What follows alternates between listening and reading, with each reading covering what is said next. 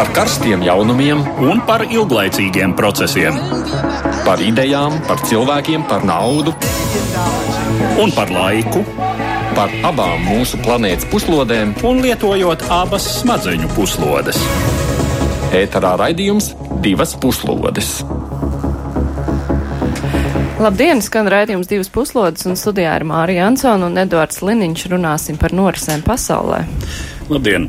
Pēc ASV prezidenta Donalda Trumpa paziņojuma, ka Savienotās valstis izvedīs savus spēkus no Sīrijas, aktualizējies arī Sīrijas kurdu jautājums. Sīrijas kurdu kaujinieki ir bijuši galvenais Savienoto valstu sabiedrotais cīņā ar tā dēvēto islāma valsti radikālu uh, islāmistu grupējumu. Vienlaikus viņi ir arī Turcijas pretinieki, un tas ir sāsinājis divu NATO valstu, Turcijas un ASV attiecības. Par kurdu problēmu runāsim pēc neilga brīža. Kā virzās uz priekšu Brexit jautājums, arī par to runāsim šīs dienas raidījumā. Pagājušajā nedēļā Terēzes Mejas piedāvātā vienošanās ar Briselu parlamentu atbalstu neguva. Tagad tiek meklēti jauni risinājumi, par tiem vēlāk diskutēsim arī mēs.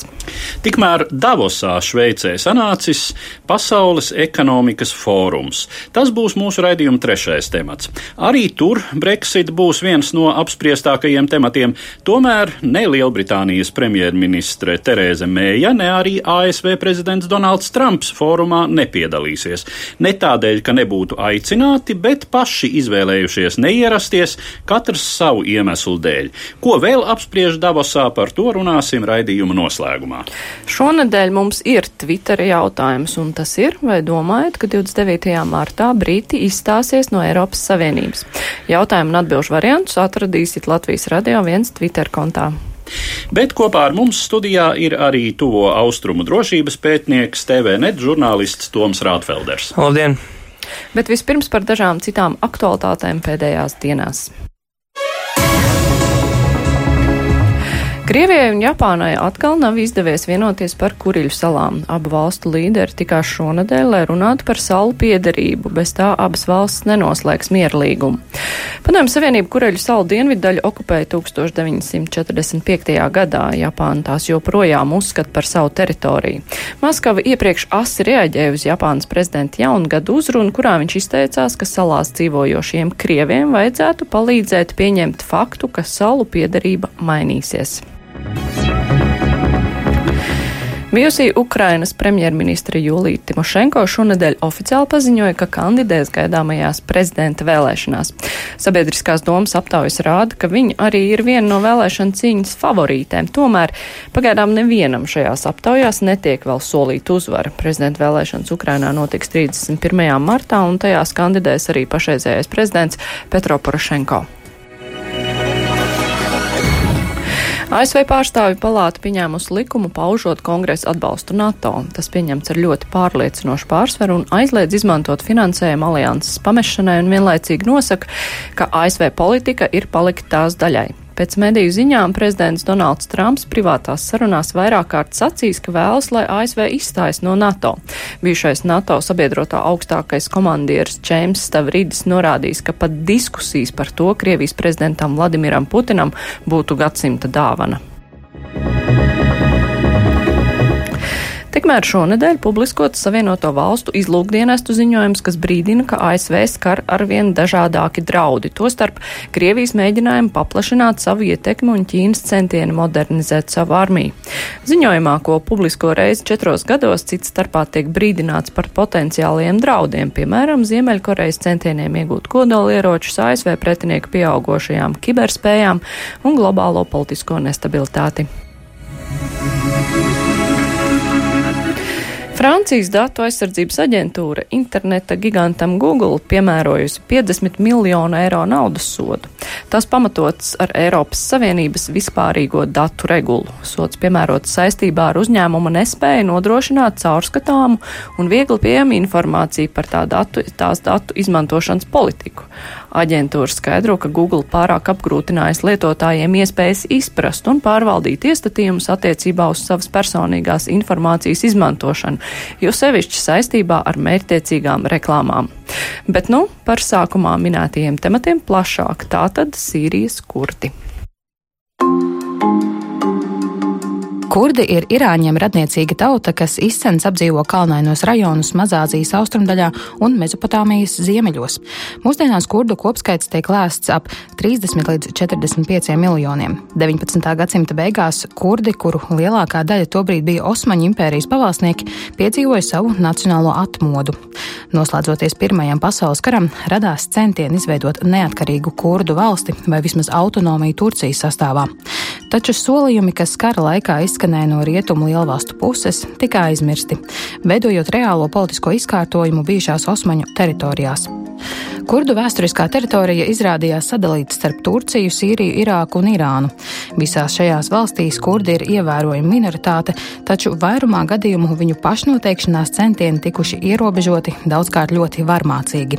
Pret kurdiem ar bruņotu spēku vairāk kārt visā 20. gadsimta gaitā vērsusies Turcija, pie tam līdz 90. gadiem liedzot šai valsts lielākajai minoritātei pat ierobežot kultūras autonomiju. Savukārt kurdu pretošanās kustība, kuras vadošais spēks kopš 70. gadiem ir marksistiskās ievirzes Kurdistānas strādnieku partija, līdz pat gadsimta beigām kurdu teritorijā izcīnīja partizāņu karu, kas prasīs vairāk nekā 37 tūkstošu dzīvību. Nemazāk dramatisks izvērtās kurdu minoritātes attiecības ar Irākas un Sīrijas totalitāriem režīmiem. Šeit 20. gadsimta otrajā pusē pie varas nāca sociālistiskas ievirzes partija Bāzes, kurai raksturīgs cits starpā izteikts arābu nacionālisms. Hafeza Asada pārvaldītajā Sīrijā, kur kurdi tāpat ir lielākā etniskā minoritāte, viņiem bija liektas ne tikai kultūras autonomijas tiesības, bet daudzos gadījumos arī pilsoņu status. Irākā Sadama Huseina režīms faktiski visā savas pastāvēšanas laikā izcīnīja periodisku pierimstošu karu pret kurdu pretošanās kustību. Vara īstenoja militāras akcijas un masu deportācijas no kurdu apdzīvotajiem valsts ziemeļiem, cenšoties mainīt šo naftas atradnēm bagāto rajonu iedzīvotāju sastāvu. Tiek lēsts, ka šīs politikas upuru skaits sniedzas desmitos tūkstošu. Pēc Huseina režīma sabrukuma Irākā 2003. gadā Savienoto valstu īstenotās intervences rezultātā valsts ziemeļu rajona nonāca kurdu spēku kontrolē, un šeit ir izveidojusies no Bagdādas praktiski neatkarīga kurdu autonomija. Līdzīgs process īstenojās Sīrijas Kurdistānā, kad 2011. gadā valstī uzliesmoja pilsoņu karš. Kurdu pašaizsardzības spēki ir izrādījušies vislabāk organizētā un kaujas spējīgākā Sīrijas nemiernieku daļa, pie tam uzticams sabiedrotais amerikāņiem cīņā pret radikālo islāmistu kustību Daīšu. Tajā pašā laikā Turcija uzlūko šos kurdus kā Kurdistānas strādnieku partijas sabiedrotos un attiecīgi apkarojumus teroristus.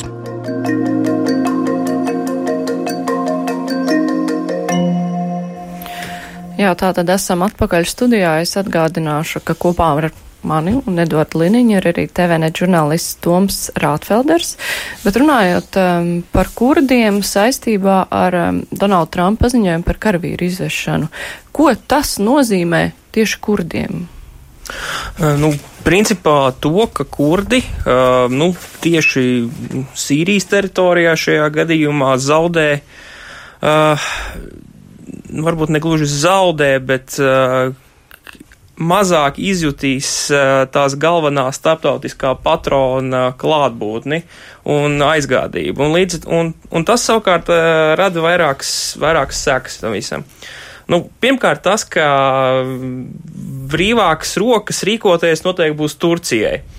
Un uh, problēma tāda šajā gadījumā ir kurdiem, ka uh, Turcija uzskata, ka šis uh, uh, kurdu tautas aizsardzības vienības, uh, kas ir kodols šiem te kurdu spēkiem, kas cīnās pret uh, islāma valsti Sīrijas teritorijā, ka viņiem ir saiknes ar jau minēto Kurdistānas strādnieku partiju.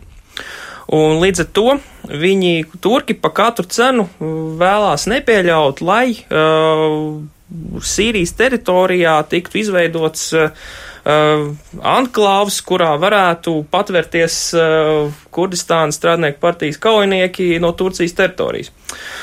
Un, uh, un līdz ar to, nu, tagad ir jautājums, ko kurdi varētu darīt, lai turki nejustos tik brīvi Sīrijā.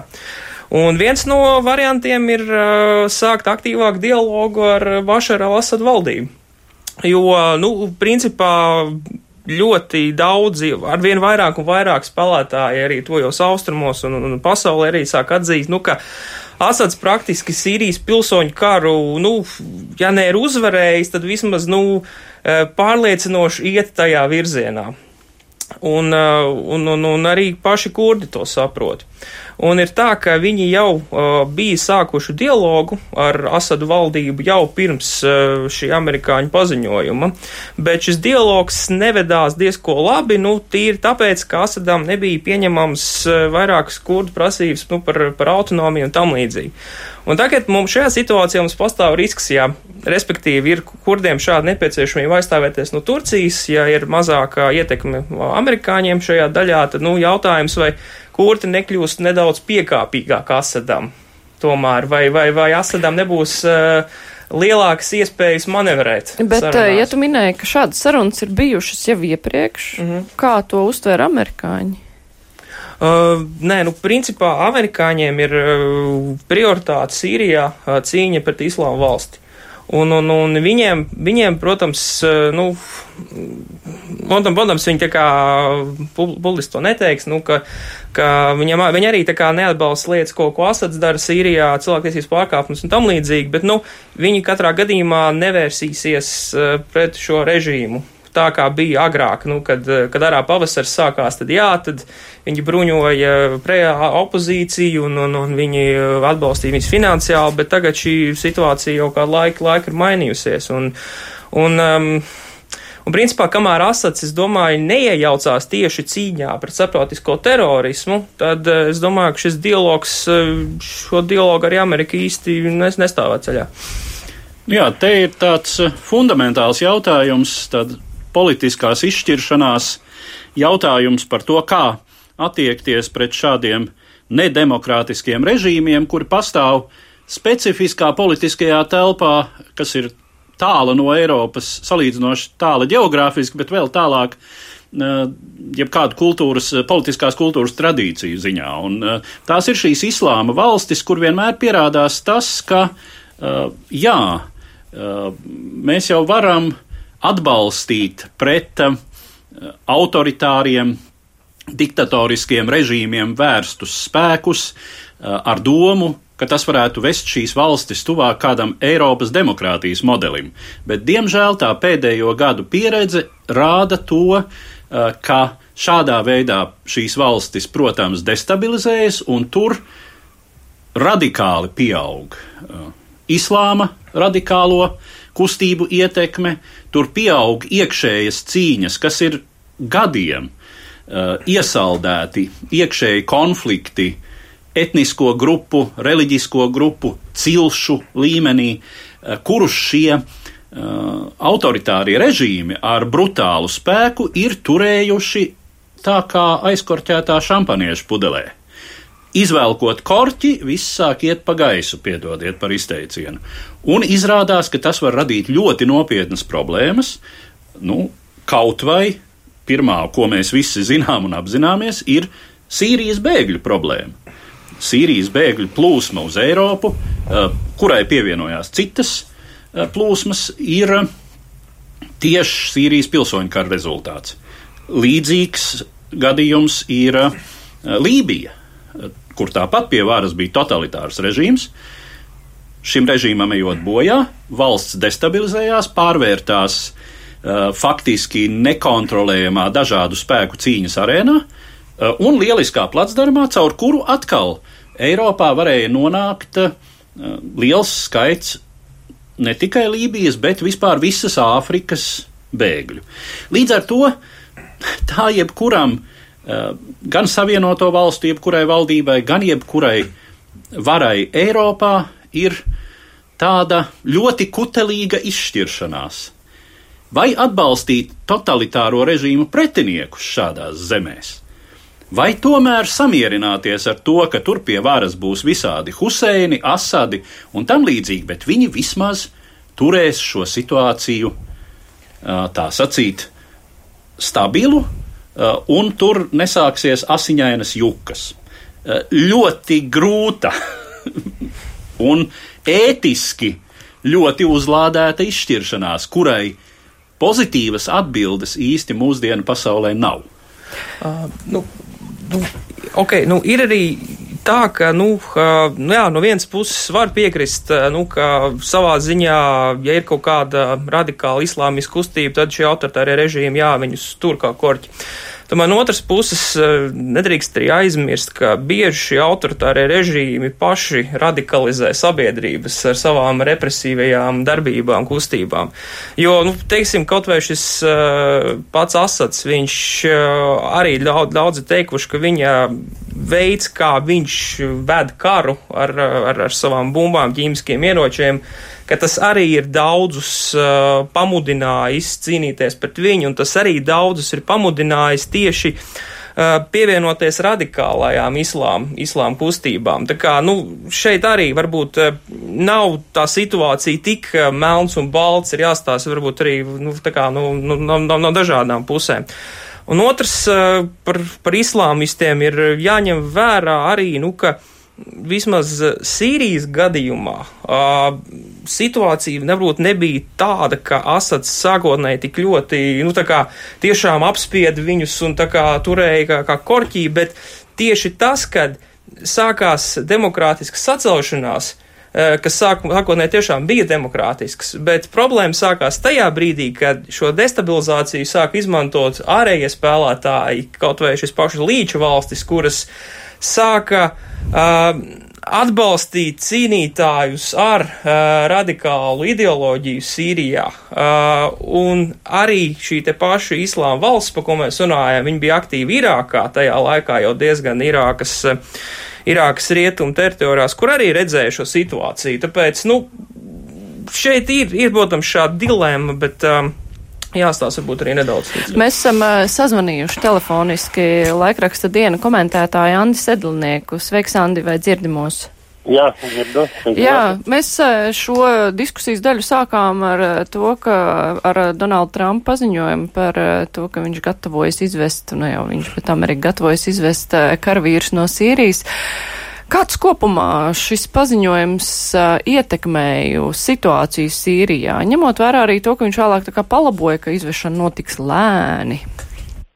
Nu, tā situācija kopumā Sīrijā vispār ir tāda, ja, ka ASV būtībā viņām ir nepieciešams galvenokārt ar godu aiziet no turienes, atrast kādu iemeslu, jo neviens no sākotnēji izvirzītajiem mērķiem tur būtībā nav sasniegts. Ja, nu, ja neskaita, protams, kaut kādu kardarbību pret islāma valsti, ja, bet, teiksim, Sīrijas režīms atrodas turpatās, kur ir, un uh, Kristus acīm redzami negrasās.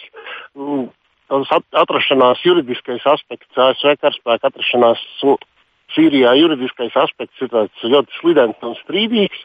Un, principā izdevumi ir ļoti lieli, un Trumps, kā zināms, ir uh, tendēts uz taupības politiku. Tas viss kopā ir rezultējies pie šāda lēmuma. Jā. Tiesa no politiskā viedokļa tas nozīmē pozīciju ASV pozīciju tuvajos austrumos, kuras jau tāpatās ir ļoti nu, sašķobījušās lielā mērā pateicoties Krievijas klātbūtnei Sīrijā, šo pozīciju vēl tālāk atdošanu.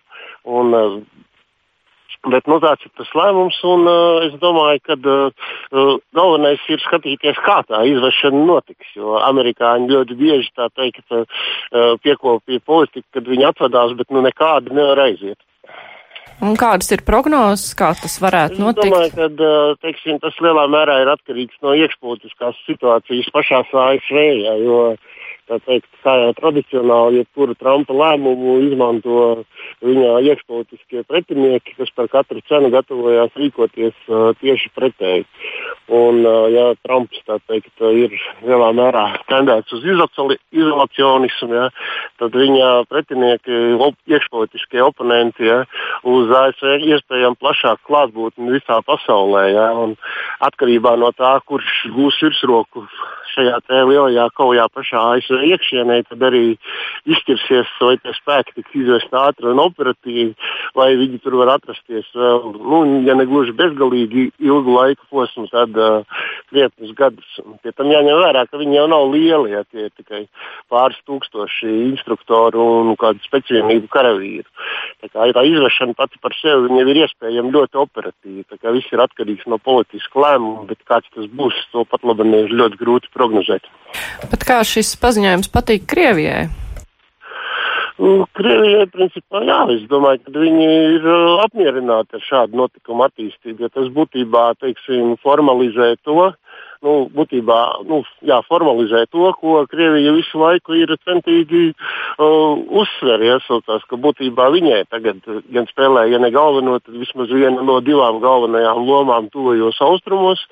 Un šāda spēka izvēršana tā būtībā ir šī fakta atzīšana. Vismaz tā tas Krievijā tiek pasniegts un tā tas būtībā reāli arī ir jo tas, teiksim, tas reāli ievērojami vēl vairāk palielina Krievijas jau tāpat vērā ņemamo ietekmi visā reģionā, ne tikai Sīrijā. Paldies, Ants Sedlnieks, laikraksts dienu komentētājs. Ir kādi komentāri par dzirdēto? Nu, droši vien, ka visai precīzs situācijas raksturojums sevišķi patiešām no Krievijas puses, jo, jā, prezidentam Putinam tas varētu būt liels trumpis, sevišķi uz eh, Krievijas publiku orientētajā propagandā, nu, patiešām eh, viņš var tā sacīt sev sist uz pleca un pie krūtīm un teikt, ka izmetām, izspiedām tos pindosus no Sīrijas, ja, eh, vinējām.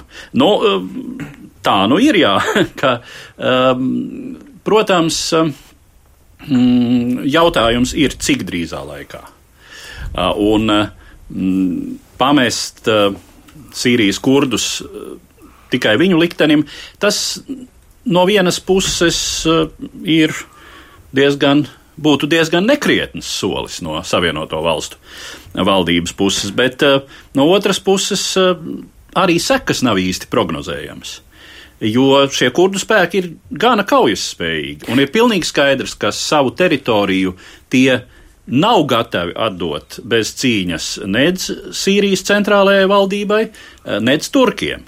Un neaizmirsīsim, ka līdzās Sīrijas turku anklāvām ir Irākas Kurdistāna, kur kurdiem faktiski, es teiktu, pastāv de facto neatkarīga valsts. Startautiski neatzīta, arī de facto neatzīta īsti, ja, ja mēs runājam par tādiem juridiskiem aspektiem, bet faktiski neatkarīga Kurdistānas valsts. Bet tā jau nav, ka ASV tā vienkārši pamet likteņu varā, nu viņi mēģinājuši kaut ko ar Turciju sarunāt. Jā, par, par Turciju tur ir ļoti interesants dialogs, kas joprojām turpinās, un, nu, varam atgādināt, ka tad, kad prezidents Trumps tādā sev raksturīgajā, nu, vaļīgajā, varētu teikt, pieeja ārpolitikas jautājumiem, ierosināja, lai Turcija uzņemas zināmas garantijas Sīrijas kurdiem. Eh, drošības un, nu, teiksim, eh, neuzbrukšanas garantijas, tad Erdogans to uztvēra kā nacionālu apvainojumu. Es varbūt nedaudz papildināšu to, ko Sedlniekungs minēja par, par Krieviju. Uh, nu, no vienas puses, jā, nu, militārajā ziņā varbūt uh, uh, tu, tūlītējā ziņā to varētu izlūkot Krievijas uzvaru. Taču tajā pasaulē, pašā laikā mums būtu, man liekas, jāizšķir, kas ir īstermiņa ietekme no ilgtermiņa ietekmes. Un, manuprāt, ilgtermiņa ietekmes spēli Krievija, manuprāt, nevar uzvarēt. Tīri tāpēc, ka Sīrijā, ja tu vēlies pašajā situācijā iegūt ietekmi, kas ir eh, pietiekoši dziļa, visaptveroša, tev ir nepieciešams dot šai valstī naudu un īstenot atjaunošanas projektus. Un, eh, manuprāt, Krievijai šā iespējas uzņemties šādu iniciatīvu, atjaunot valsti, kurā jau vairākus gadus ir izpostīta, sagrauta, nav. Un līdz ar to, jebkurā gadījumā, Krievijai nāksies agrāk vai vēl tomēr runāt ar rietumiem, runāt ar amerikāņiem, jo, nu, bez viņiem viņi vienkārši neiztiks. Un vēl ir nepārprotami tas, ka Sīrijas pašreizējā valdība, nu, kas faktiski piekrītot, um, piekrītot kolēģi teiktajam, mm. Sīrijas pašreizējā valdība ir pārāk vājš sabiedrotais. Lai kaut ko risinātu nopietni Sīrijā, lai gūtu Sīrijā uh, nopietnu un paliekošu ietekmi, Krievijai tur ir vajadzīgs vēl kāds ļoti nopietns sabiedrotais no reģiona lielajām ietekmīgajām valstīm. Un tad ir ļoti interesants jautājums, kas varētu kļūt par šādu potenciālo sabiedroto. Tātad, ja tie nav amerikāņi, tad kandidāti faktiski ir trīs. Vai nu tā ir Erdogana Turcija, vai tā ir Irāna, vai tā ir Saudārābija. Nu, neviens, ne otrs, ne trešais variants. Krievijai nav sevišķi saulains, ievērojot attiecību vēsturi. Nu, Turcija varētu būt ticamākais, salīdzinoši ticamākais kandidāts, ievērojot abu režīmu uh, zināmu līdzību, Um, un to, ka nu, tā tomēr no visām piesauktajām ir salīdzinoši viseiropeizētākā no šīm valstīm. Lai gan visdrīzāk, ka agri vai vēlu, es pilnīgi piekrītu, uh, nonāks tomēr pie dialoga nepieciešamības starp Krieviju un atkal jau rietumu valstīm risinot šos Sīrijas un vispār to austrumu jautājumus. Nu jā, mēs uh, visu laiku pārsvarā runājam tā, it kā tur būtu iesaistīti tikai kurdi, amerikāņi, turki, nu, Sīrija. Bet uh, kāda teikšana ir citiem? Nu, tur ir ļoti daudziem vēlēšanās kaut ko teikt. Um, nu, faktiski mēs šeit visus uzskaitījām. Turpat līdzās, protams, ir arī Izraela, uh, kurai uh, ir saspringtas attiecības desmitiem gadu ar uh, vairumu reģiona valstu, pirmkārt Arābu valstīm, gan ar to pašu Sīriju. Eh, kuras teritorijas daļa atrodas Izraēlas militārā kontrolē, tās augtās Golānas augstienes.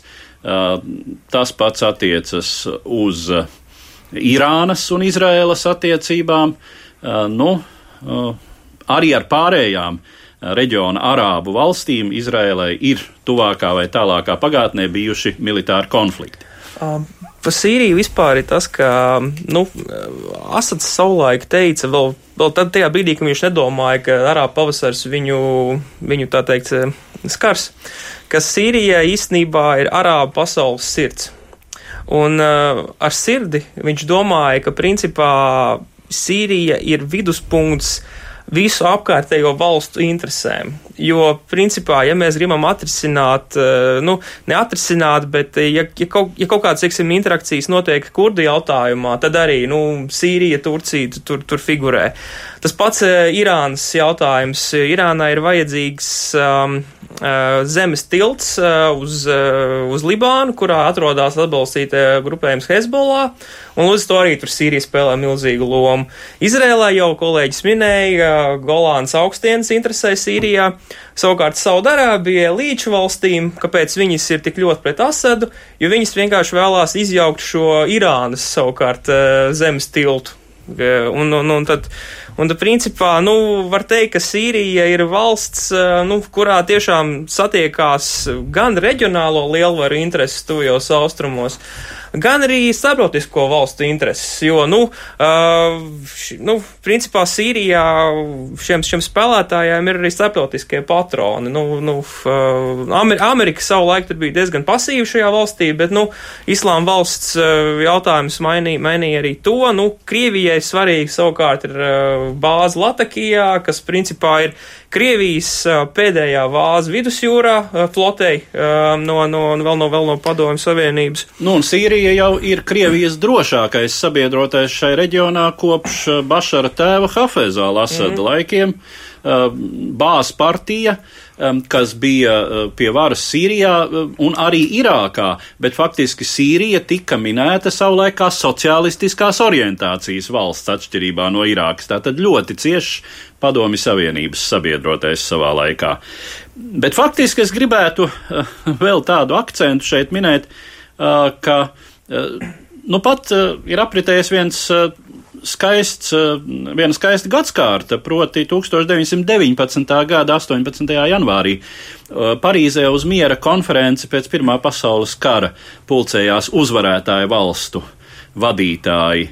Un jāsaka, pirms simts gadiem ieliktās bumbas ar laika degli turpina tuvajos austrumos eksplodēt joprojām, un te mēs redzam, ko nozīmē, kad valstu robežas velk reizēm ar lineālu, un vadoties primāri no savām interesēm, nu, atgriežamies atkal pie šīs kurdu problēmas. Ja, ja mēs iedomājamies, ka 30, vismaz 30 miljonus liela nācija sadalīta starp četrām citām lielām un arī uh, ar katru ar, sa, katru ar savu nacionālo politiku valstīm, uh, nu tad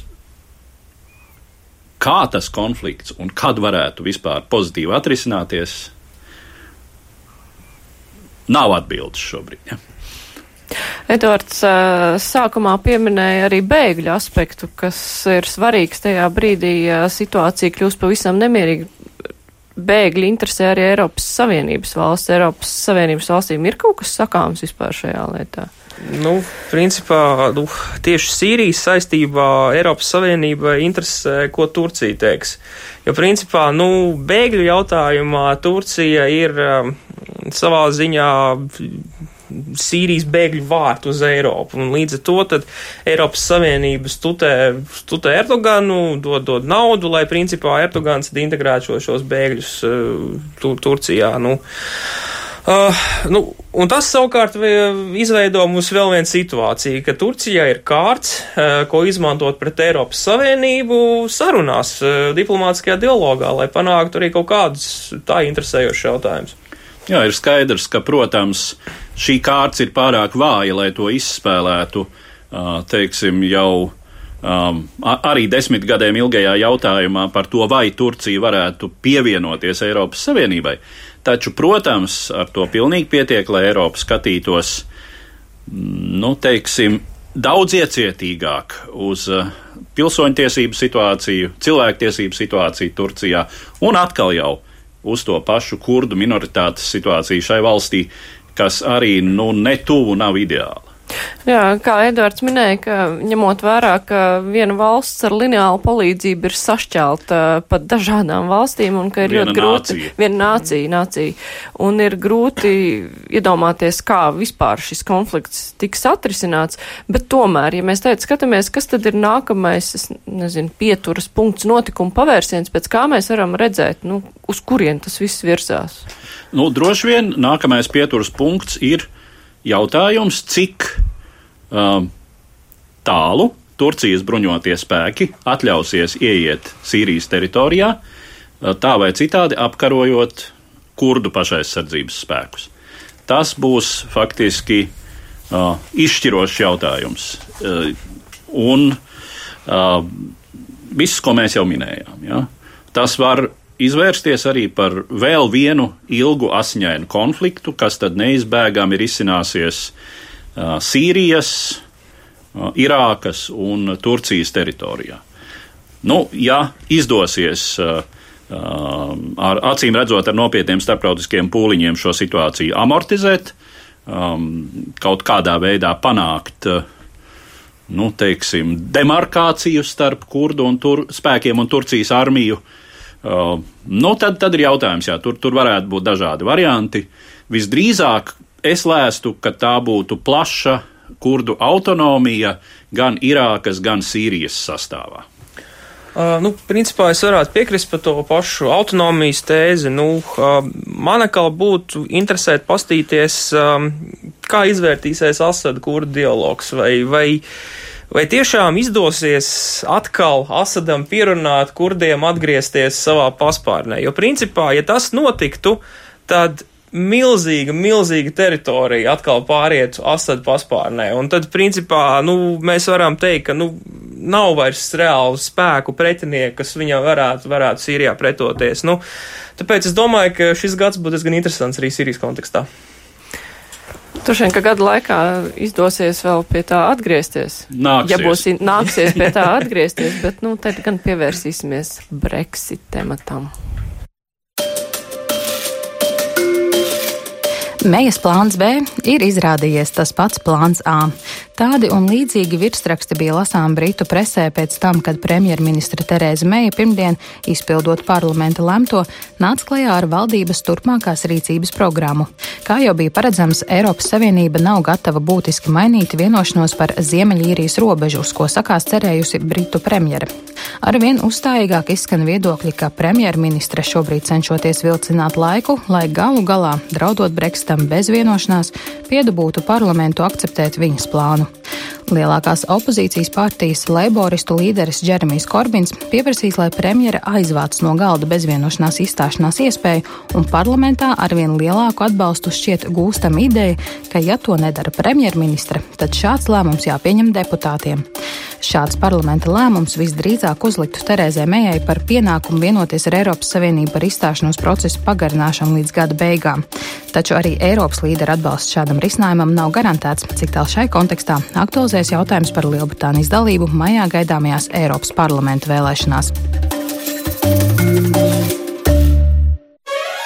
Divas puslodes.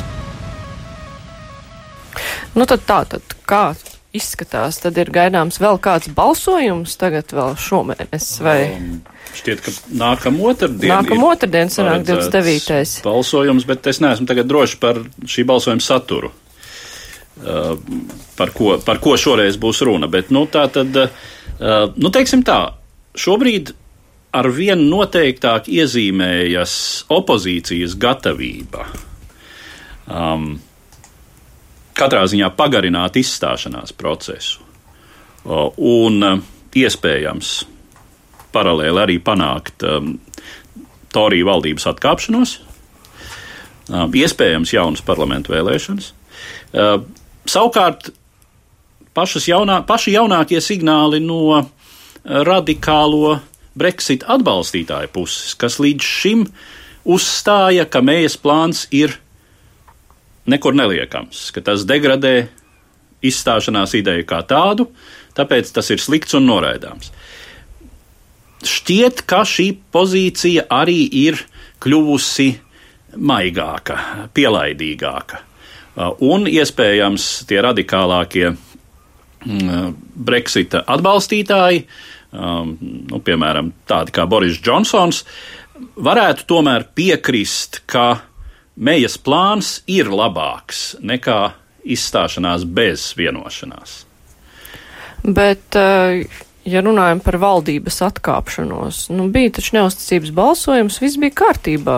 Pietiekoši pārliecināts, viss, kas var mainīties. Viss tur netū nebija kārtībā, eh, jo tas eh, atbalsts valdībai bija daži desmiti no vairākus simtus lielā Britu parlamenta. Jā, tur, tur bija šķiet, ka 325 par un 300 ar kaut ko pretvaldības palikšanu. Bet tajā pašā laikā balsojums par vienošanos tika ļoti pārliecinoši, nu, vienošanās tika ļoti pārliecinoši noraidīta. Tur bija pat vairāk balsu nekā sākumā šķita. Tad, ja mēs plāns B ir tas pats plāns A, tad tur jebkādas cerības pastāv? Man liekas, ka izēja šajā gadījumā, nu, realistiskākā, kas mējai būtu, ir panākt, lai Eiropas Savienība nedaudz pagarina šo, šo izstāšanās procesu. Jo ir skaidrs, ka ar to, ar tām kārtību, kas viņai pagaidām ir, viņa, viņa no šīs krīzes neizk, neizkļūs. Nu, nezinu, nevienu to saukt par krīzi var, bet, nu, jebkurā gadījumā tas ir um, um, slasts, kur, kur, kur, nu, kur, viņi, kur viņi nevar izkļūt. Un, nu, principā ir jautājums, vai Terēza Meja uh, spēs Eiropai pateikt, man ir konkrēts plāns, uh, man tikai vajadzīgs ir vairāk laika, lai panāktu šim, uh, šim jaunajam plānam uh, atbalstu Lielbritānijas iekšēnē, un tāpēc jums jādod būt vairāk laika. Un jautājums, vai Eiropas Savienība to darīs. Ja, nu, no vienas puses viņi varētu to darīt, jo viņi arī vēlās, lai Lielbritānija izstājās kaut cik struktūrēti no Eiropas Savienības, bet no otras puses tas arī, zin, tas. Um, tomēr uh, sūta signālu eiroskeptiskajiem spēkiem, nu, ka Eiropas Savienība ir gatava arī visu laiku nākt pretī un, un, un piekāpties visām lietām, un tad jautājums, kur ir tā robeža, kur, uh, kur tad uh, jānovalka sarkanā līnija, par kuru mēs tālāk vairs nekāpjam. Bet varbūt ir izslēgts tas, ka Lielbritānija piekrīt procesa pagarināšanai. Nē, nē, nu Lielbritānijai ļoti iespējams, ka tas būs tas, ko Lielbritānija liks priekšā Eiropas Savienībai. Ļoti iespējams. Bet te lūk parādās jautājums, par kuru, cik es saprotu, īsti neviens līdz šim nav domājis. Proti tas, kāda tad būs Britu nācijas loma un tiesības gaidāmajās Eiropas parlamenta vēlēšanās. Jo šķita, ka Lielbritānija izstājas, parlamenta deputātu vietas daļēji ir likvidētas, daļēji sadalītas starp citām dalību valstīm. Izrādās, ka juridiski, ja Lielbritānija atrodas pagarinātajā izstāšanās procesā, pirms vienošanās, pirms galīgās vienošanās par šo šķiršanās līgumu, tad tā ir visas tiesības turpināt piedalīties Eiropas politiskajā procesā, vēlēt Eiropas parlamentu. Un tas varētu būt mm, šķērslis, kāpēc Eiropas valstu līderi, kas līdz šim ir bijuši visai elastīgi un pielaidīgi, varētu teikt vismaz daļā gadījumā nē, jo, nu, Francija un Spānija un uh, Igaunija var gribēt savas papildu deputātu vietas Eiropas parlamentā, kas, tiem, kas tām jau ir apsolīts. Nu, var gribēt, bet vai tad nu nevar paciesties vien brīdī? Vēl viens signāls, es tagad varu kļūdīties, kurš tieši ir nācis klajā ar šo, vai, vai tas bija Barņiekungs vai kāds cits, ar šo tēzi, ka, ja Lielbritānija izstāsies bez vienošanās, tad Eiropas Savienība pilnīgi noteikti uh, slēgs robežu starp īrijas republiku un Ziemeļīriju. Un tas ir ļoti, nu, teiksim, strikts uh, un biedējošs signāls, jo slēgta robeža, kā mēs to nereiz šeit esam teikuši, slēgta robeža starp Ziemeļīriju un īrijas republiku uh, var apdraudēt īrijas miera procesu. Tā saukto lielās piekdienas vienošanos, kas savā laikā balstījās principā, ka pēc iespējas tiek integrētas divas šīs īrijas salas daļas, integrētas ekonomiski, zināmā mērā politiski, zināmā mērā arī administratīvi, paliekot divu valstu daļas. Viss šis process balstījās tajā, ka abas valstis tobrīd bija Eiropas Savienības dalību valstis, un, piemēram, ekonomiskā robeža nebija nepieciešama.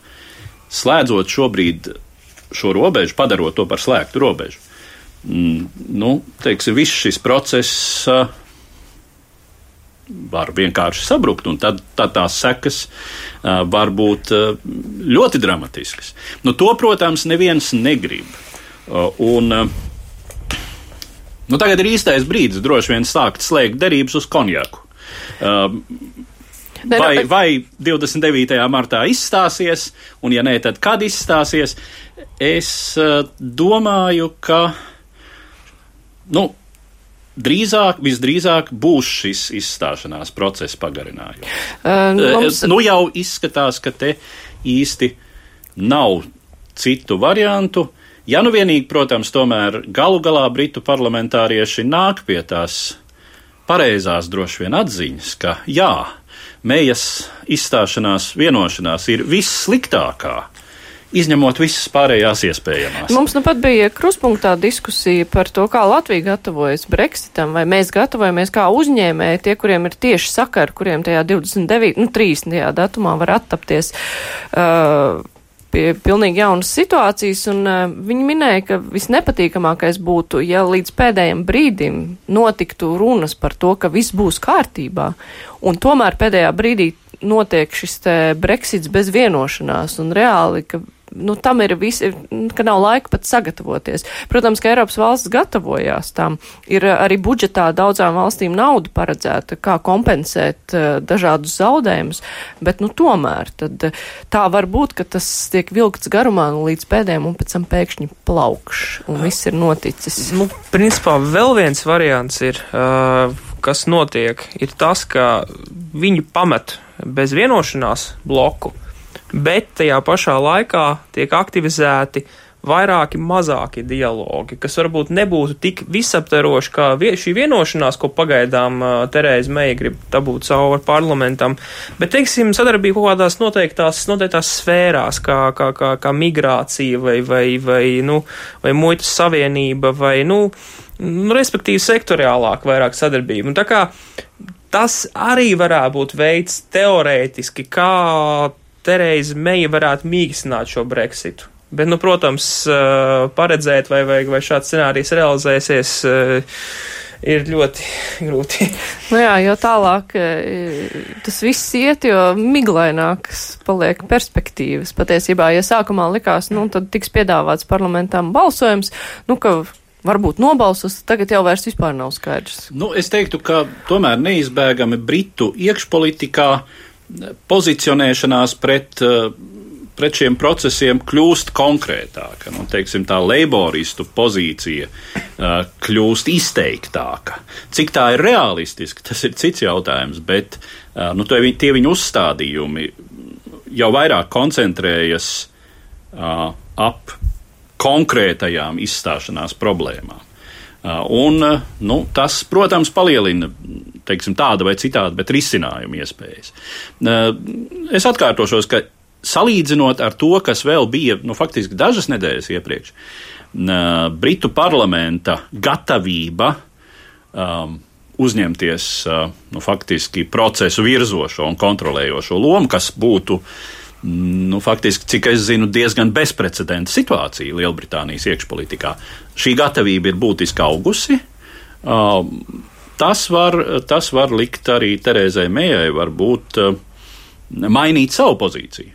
Uh, jo nu, viņas uzstādījums par to, ka uh, mēs nedrīkstam pievilkt tautu, kas ir teikusi savu vārdu referendumā, uh, ir teorētiski ļoti pārliecinoši, bet tikai teorētiski. Mūsu klausītāji 76% no tiem, kur balsoja eh, Twitter balsojumā, uzskata, ka 29. martā Briti neizstāsies no Eiropas Savienības. 24% domā, ka tas notiks, citu variantu vienkārši neviens nepieļauj. Bet nu labi, par Brexit runā arī Davosā, un mēs arī vēl 5 minūtes paspēsim par to parunāt. Bezpēļņas organizācija Pasaules ekonomikas fórums dibināta 1971. gadā, un tās misija definēta kā pasaules situācijas uzlabošana, apvienojot biznesa, politikas un citus sabiedrības līderus globālās, reģionālās un industriālās programmas veidošanā.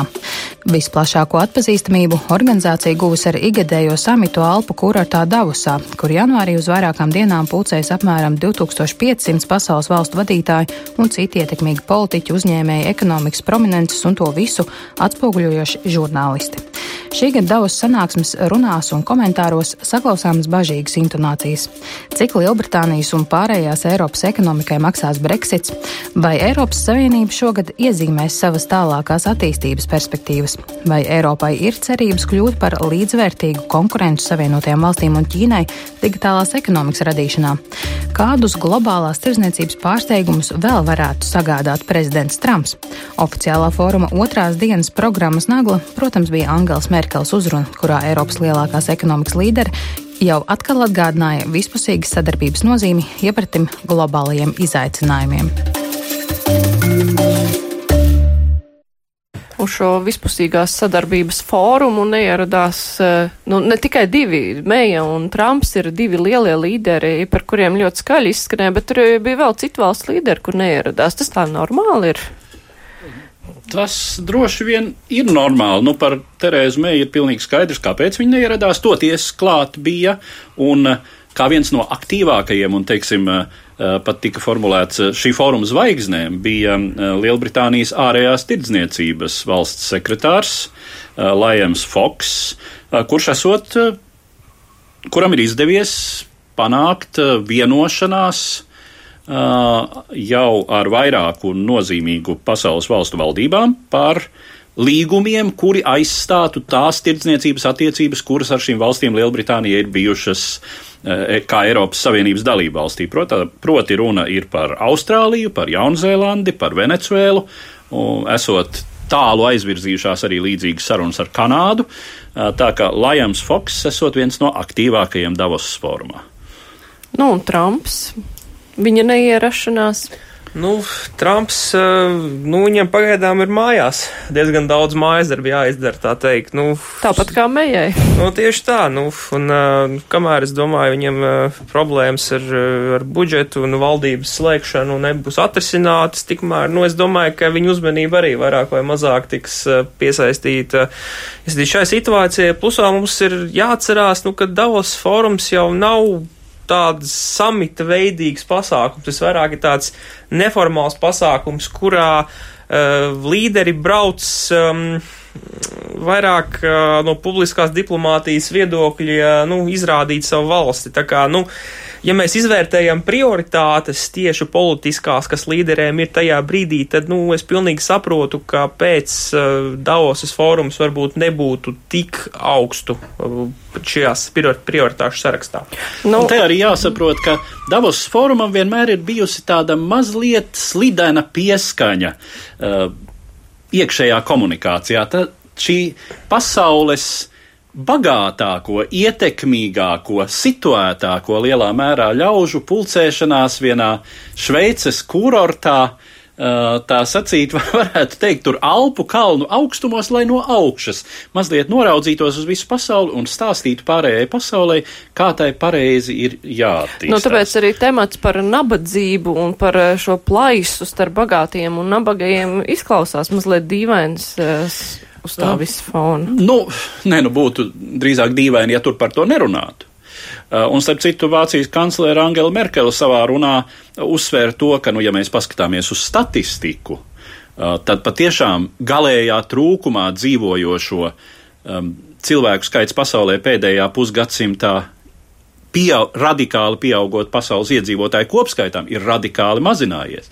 Bet nu, tas ir tas pats jautājums par Latvijas iekšzemes koprodukta rādītājiem un katru konkrēto ģimeni, kura izjūt joprojām ekonomisko situāciju. Tā sacīt savā maciņā un savā komunālajā rēķinā, komunālo pakalpojumu rēķinā. Nu jā, es vairāk gribēju runāt par to, nu, cik lielā mērā nu, sapulcējas šie te bagātie un ietekmīgie un runā par to, ka mums vajadzētu visiem darīt pasauli labāku, bet tajā pašā laikā, nu, vai tam seko kaut kādi soļi? Tas tāpat kā tur tiek runāts par vidas aizsardzību, kur visi ierodās par privātajām lidmašīnām, labi, ne visi, daudz ierodās ar privātajām lidmašīnām, tur piedalās arī uh, pasaules plaušu pārvaldnieks, jaunais Brazīlijas Brazīlijas prezidents eh, Šārs Bolsonaru, kura arī vidas aktivitātes tā kā ar mīnuszīmi, laikam vairāk ir rakstāms. Nu, ka tie vārdi, vai viņi saskana ar darbiem beigu beigās? Droši vien šis jautājums ir tikpat Uh, grūti, retorisks, jā, uh, kā vispār jautājumi par to, cik starptautiskajā politikā uh, vārdi saskana ar darbiem, un te mēs atkal varam atgriezties pie tā, ar ko mēs sākām šodienas raidījumu, pie kurdu jautājuma. Ir ļoti skaisti definēt principus, un tas ir jādara, protams. Teiksim, savulaik tika definēts nācija pašnoteikšanās princips, tad, kad to sāk īstenot praksē pēc Pirmā pasaules kara, tad tika salikts gana daudz bumbu ar laika degli, kas eksplodējušas visu pēdējo gadsimtu. Nu, līdzīgi ir ar šīm problēmām. Mm, kas saistās ar globālo sasilšanu, bada problēmu mm, trešās pasaules valstīs un tā tālāk. Un tā tālāk kas, protams, nenozīmē, ka par to nevajadzētu runāt. Jā, galvenais jau te arī ir tas prestižs jautājums, kā mēs bēdājamies, ka no Latvijas tur neviens nepiedalās un priecājamies, ka lietuviešiem gan ir cita situācija. Viņa prezidenta tur ir. Studijā šodien bija Toms Rātfelders, Edvards Liniņš un arī es Māra Jansoni. Raidījumu producēja Ieva Zēze. Nākamās divas puslodes skanēs atkal pēc nedēļas. Vislabāk! Divas puslodes!